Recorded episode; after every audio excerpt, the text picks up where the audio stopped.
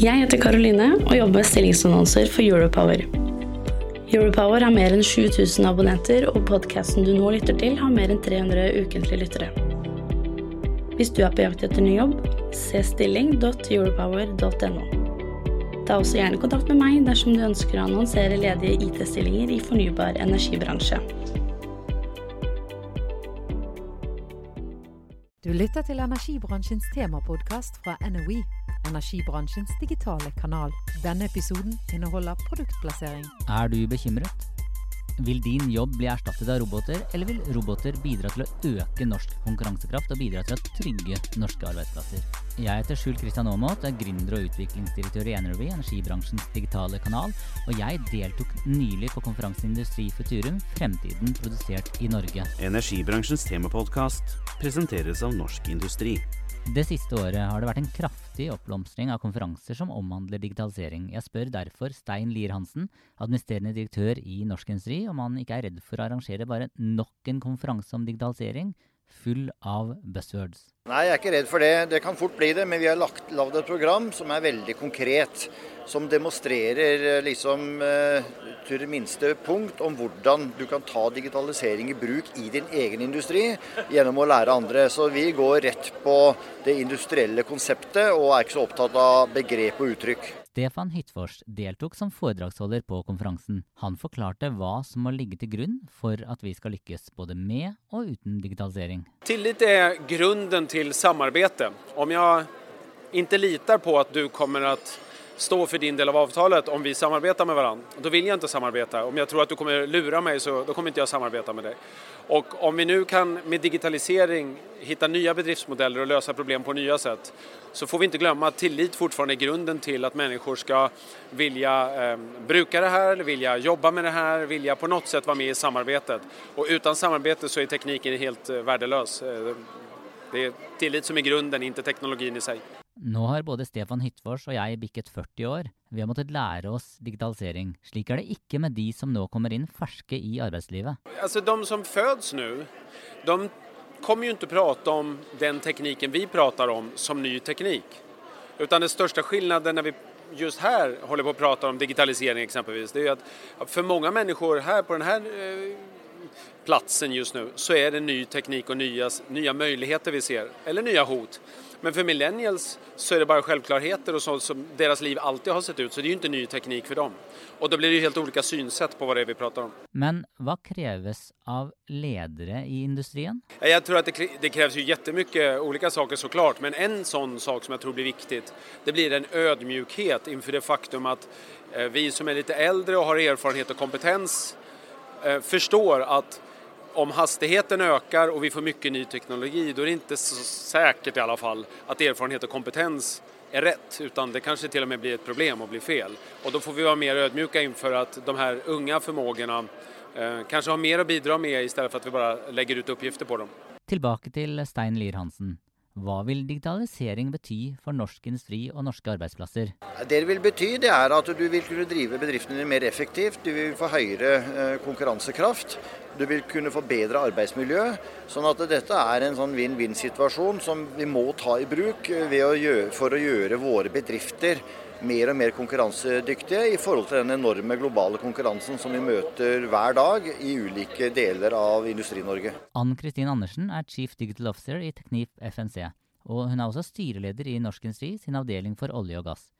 Vi spør henne om hva digitalisering betyr for olje- og gassindustrien. Det handler om omstilling i industrien for å ta i bruk nye teknologier og prøve å bli bedre og billigere. Det er lett å tenke på teknologi når vi prater om digitalisering, men handler det ikke egentlig om mennesker? Vi spør hva hun legger i begrepet digital transformasjon. Det er egentlig organisasjonsutvikling, som gjør at folk kan ta i bruk ny teknologi, og ikke minst at bedrifter kan finne nye forretningsmodeller. Teknip FNC er et globalt selskap. Vi spør Ann-Kristin Andersen om hvordan Norge ligger an i den globale konkurransen.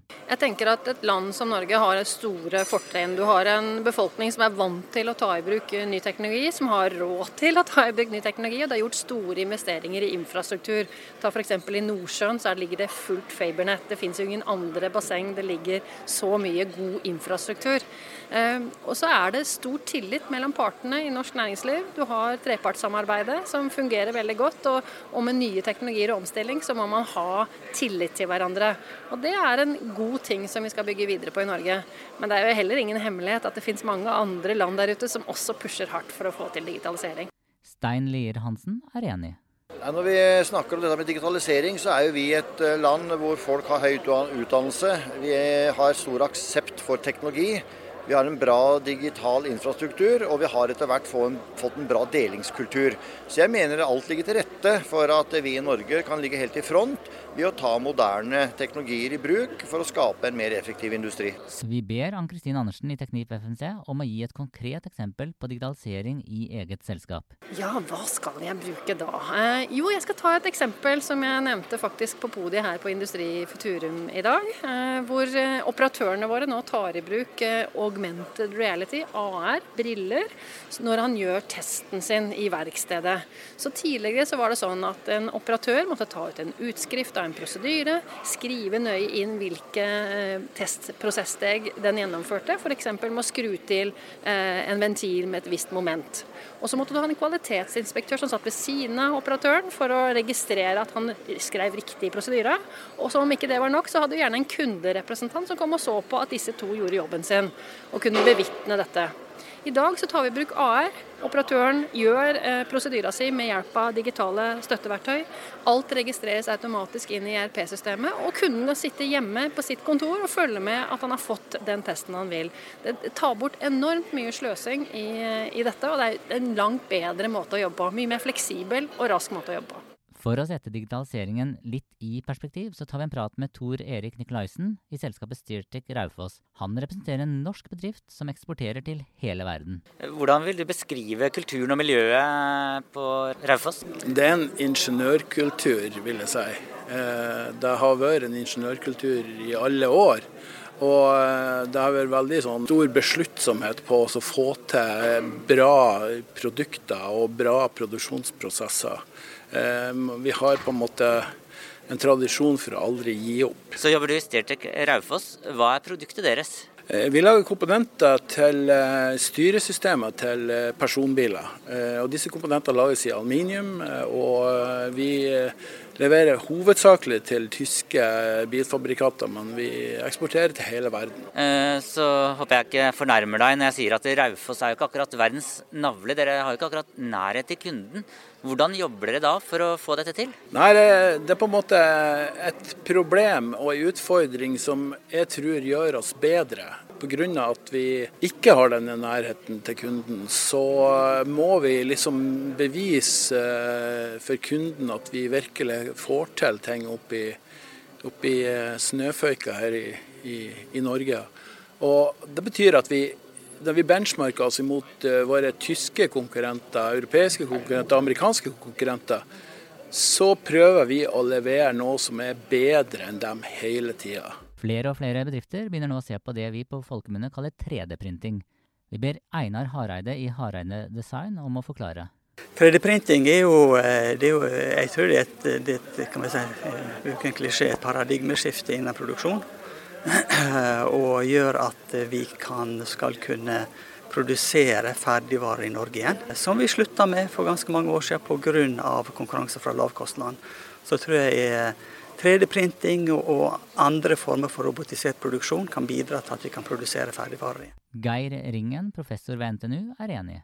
Eh, det, det, kan bli veldig viktig. Altså, vi har jo en industristruktur i Norge som måte, spenner litt fra masseproduksjon, men også en stor del one of a kind, hvor det kan kanskje få sin anvendelse. Og også i prosessering, verktøybygging, for å lage mer høyvolumprodukter.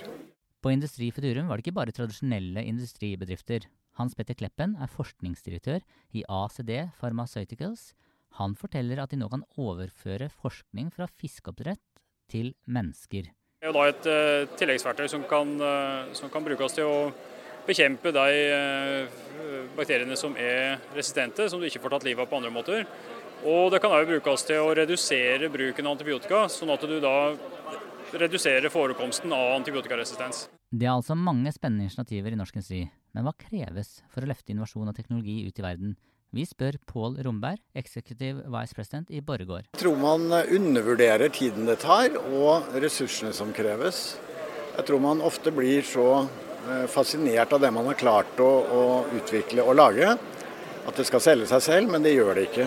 Det, det, kreves masse ressurser og tålmodighet. Og jeg tror mange feiler fordi de ikke har nok tålmodighet. Men hva er da viktig? Det er mange ting å tenke på, eh, og det er jo litt sånn hvordan skal man gå ut i markedet?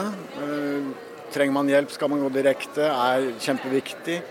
Det er viktig å, å gjøre ting kjent. Å skape så mye som mulig støy, være synlig så mange som mulig kanaler for å få teknologien og produktene kjent. Det er så mange som ikke aner at vi eksisterer. Jan Christian Vestre leder familiebedriften med samme navn, altså Vestre AS. Han mener bærekraft må stå i sentrum for alt vi gjør. I årene framover må Norge øke fastlandseksporten betraktelig for å kompensere for nedgangen i olje og gass. Og da trenger vi at flere norske fastlandsindustribedrifter eh, lykkes. I en verden i dag som i stadig større grad etterspør bærekraftige løsninger, så har faktisk norske bedrifter veldig gode fortrinn. Vi er langt framme på miljøvennlig produksjon og på bærekraftige løsninger. og Derfor så ser jeg bærekraft som en viktig del av omstillingsmotoren i norsk økonomi. Og så er bærekraft viktig i seg selv, fordi vi har bare én planet. Vi er i ferd med å ødelegge den med klimaendringene. Én milliard mennesker lever i fattigdom, og forskjellene øker. Og jeg mener at private selskaper har et ansvar for omgivelsene rundt seg, og må også bidra med internasjonal solidaritet og sørge for at den verden vi etterlater våre arvtakere, er litt bedre enn den vi fikk selv. Så det er både business, og det er fordi at det er viktig for verden. Stein Lier Hansen forklarer hvordan digitalisering kan bidra til økt bærekraft. Et eksempel kan vi ta fra Raufoss-miljøet, hvor en har tatt i bruk 3D-teknologi. og Det betyr at en kan lage én komponent nå til bilindustrien, hvor en tidligere måtte bruke 10-20 komponenter. Og Det betyr altså at vi får en helt annen materialeffektivitet. Vi eh, slipper overproduksjon. Vi, får, eh, vi, vi, nærmer oss sirkulærøkonomien mye raskere enn det vi hadde klart med en gammel teknologi. Så her vil vi se at økonomisk bærekraft og økologisk bærekraft går hånd i hånd. Stefan Hyttfors fortsetter. Holdbarhet, bærekraft, blir den overgripende strategien for alle framgangsrike bedrifter i framtiden. Det er ikke bare en miljøfråga, det er en samfunnsspørsmål, det er en økonomisk fråga. Um, og om, om, man ikke forstår det, så, så, kan man i alle fall reflektere over at motsatsen til, til holdbarhet er uholdbart. Og en uholdbar eh, løsning det kommer ikke fungere i framtiden. Nå er vi 7,8 milliarder mennesker og vi har fortsatt bare én planet. Og da må vi fokusere på å skape mye mer av verde med, med mindre ressurser. Um, ikke effektivisere gamle bedriftsmodeller. Det er ingen tvil om at det er knyttet både trusler og muligheter til digitalisering. For å hjelpe norske bedrifter opp og frem er det nå blitt etablert flere katapultsentre. Vi spør Stein Lier Hansen om han kan forklare mer om disse katapultene. Det er et nytt uh, virkemiddel vi har fått eh, utvikla sammen med regjeringa. Det, det, betyr at når en bedrift har gjennomført forskning, har testa ut en ny f.eks. produksjonsløsning på laboratorieskala, så kan få hjelp av katapultsystemet til raskere å oppgradere teknologien til en kommersiell teknologi. Sånn at gjennom katapultene så går vi raskere fra det forskningsbaserte til det kommersielle. Altså selve innovasjonen skjer mye raskere ved at den statlige katapultordningen eh, avlaster noe av industriens risiko når det går fra små til stor skala. Hege Økland er administrerende direktør i NC Martin Cleantech. Vi ber henne utfylle. Altså, katapultene skal gjøre innovasjonsprosessen mye kortere og billigere. Og dermed få opp hele innovasjonstakten i norsk næringsliv. Og spesielt innenfor den sektoren som jeg jobber med, altså det med å, å redusere miljø- og klimautslipp fra maritim sektor, men òg fra havnæringene generelt. Der har vi dårlig tid. Vi har eh, nye regelverk som eh, kommer inn fra IMO bl.a. Som gjør at de skipene som blir designa eh, og bygd i dag, de skal operere i et helt annet regime fremover. Og Da må vi ha katapulter som kan gjøre hele innovasjonsforløpet mye enklere, raskere og rimeligere for de bedriftene som vi ønsker å tiltrekke oss her.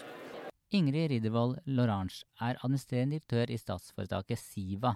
Vi spør henne om hva som skal til for å lykkes med katapultsentrene.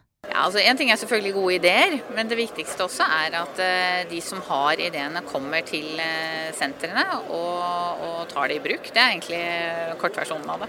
Så hvor går veien videre nå? Ja, altså Det som er spennende nå, er at vi må få disse sentrene i bruk. Så de sentrene som er utnevnt, holder på å sørge for å etablere en, en struktur og en, systemer og utstyr som gjør at det er tilgjengelig for mange brukere. Så dreier det seg egentlig om at de som har de gode ideene, de små og mellomstore bedriftene, faktisk skal eh, vite at de er der. Eh, og komme dit for å teste ideene sine med den kompetansen som er der. Så det er flest mulig inn, eh, og gjennom det så, så får vi best mulig også ideer ut i markedet og, og nyvinninger. Energibransjens temapodkast presenteres av Norsk Industri. Jeg har nå forsøkt å oppsummere noe av det som skjedde på Digital Futurum. Én ting er i hvert fall sikkert. Det er ingen tvil om at det er mye spennende som skjer i norsk industri, og jeg lar poeten Arne Torget få siste ordet i denne podkastepisoden. Det har vært en fantastisk inspirerende dag med foredragsholdere av beste slag. Her har vært samla kremen av norsk industri og fått oppdatering på samfunn og teknologi. Vi har fått ny kunnskap, ikke minst, om teknologi som nesten ikke finnes. Flinke folk har ført ordet, og nanoteknologi er det neste store. Du har nå lyttet til energibransjens temapodkast fra NOE, energibransjens digitale kanal.